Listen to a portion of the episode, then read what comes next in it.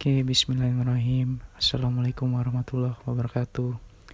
Balik lagi bareng Arif Rahman di sini. Gimana kabarnya? Semoga selalu diberkahi dan dilancarkan semua urusannya ya. Amin.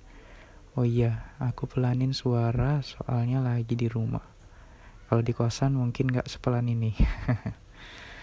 Kali ini bakal ada yang mungkin bikin bosan semua orang. Dan juga udah banyak orang yang bahas ini meskipun udah banyak dibahas sama banyak orang.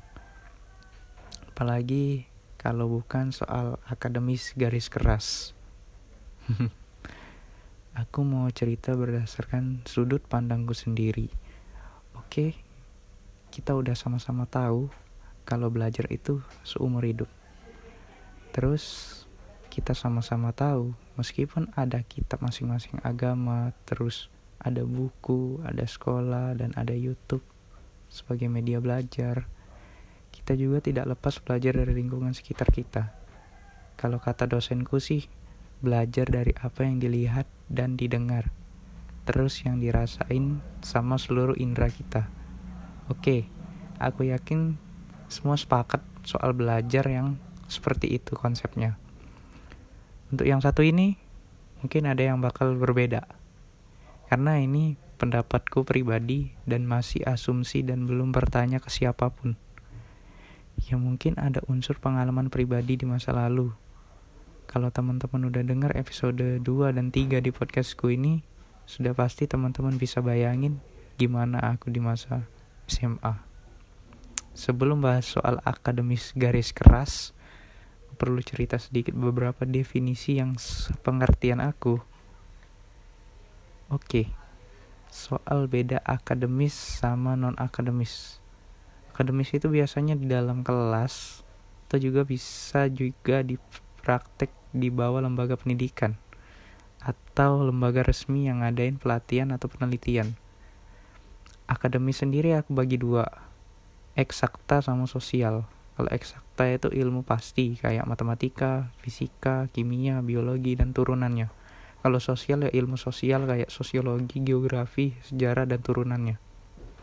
Nah, untuk non akademis tadi, hal-hal yang di luar pelajaran yang disebutin tadi, lebih tepatnya kayak kegiatan ekstrakurikuler kayak pramuka, paskibra, kesenian.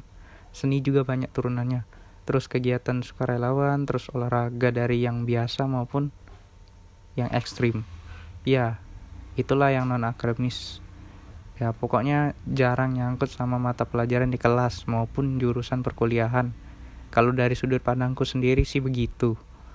Nah untuk orang-orang akademis mereka itu berani mencoba hal-hal yang di luar bidang atau jurusannya atau mata pelajaran yang sedang diambilnya.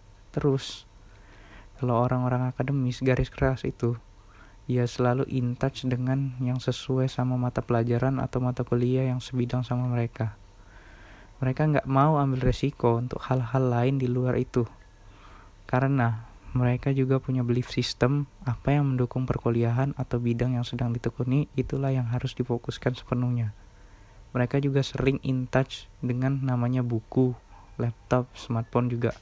Dan juga sering suka discuss sama orang-orang yang punya kesamaan atau satu frekuensi dengan mereka suka ikut penelitian ilmiah dan program-program akademisi lainnya. Bahkan mereka bisa mikirin soal pelajaran lebih banyak daripada orang biasanya. Inilah akademis garis keras menurut definisi aku ya. Kalau aku sendiri sih udah nggak lagi kayak gitu. Karena aku punya belief system kalau nggak gerak untuk hal yang berbeda dan hal baru, maka yang terjadi akan hal yang sama kecuali itu keajaiban. Oke, segitu dulu ya teman-teman. Wassalamualaikum warahmatullahi wabarakatuh.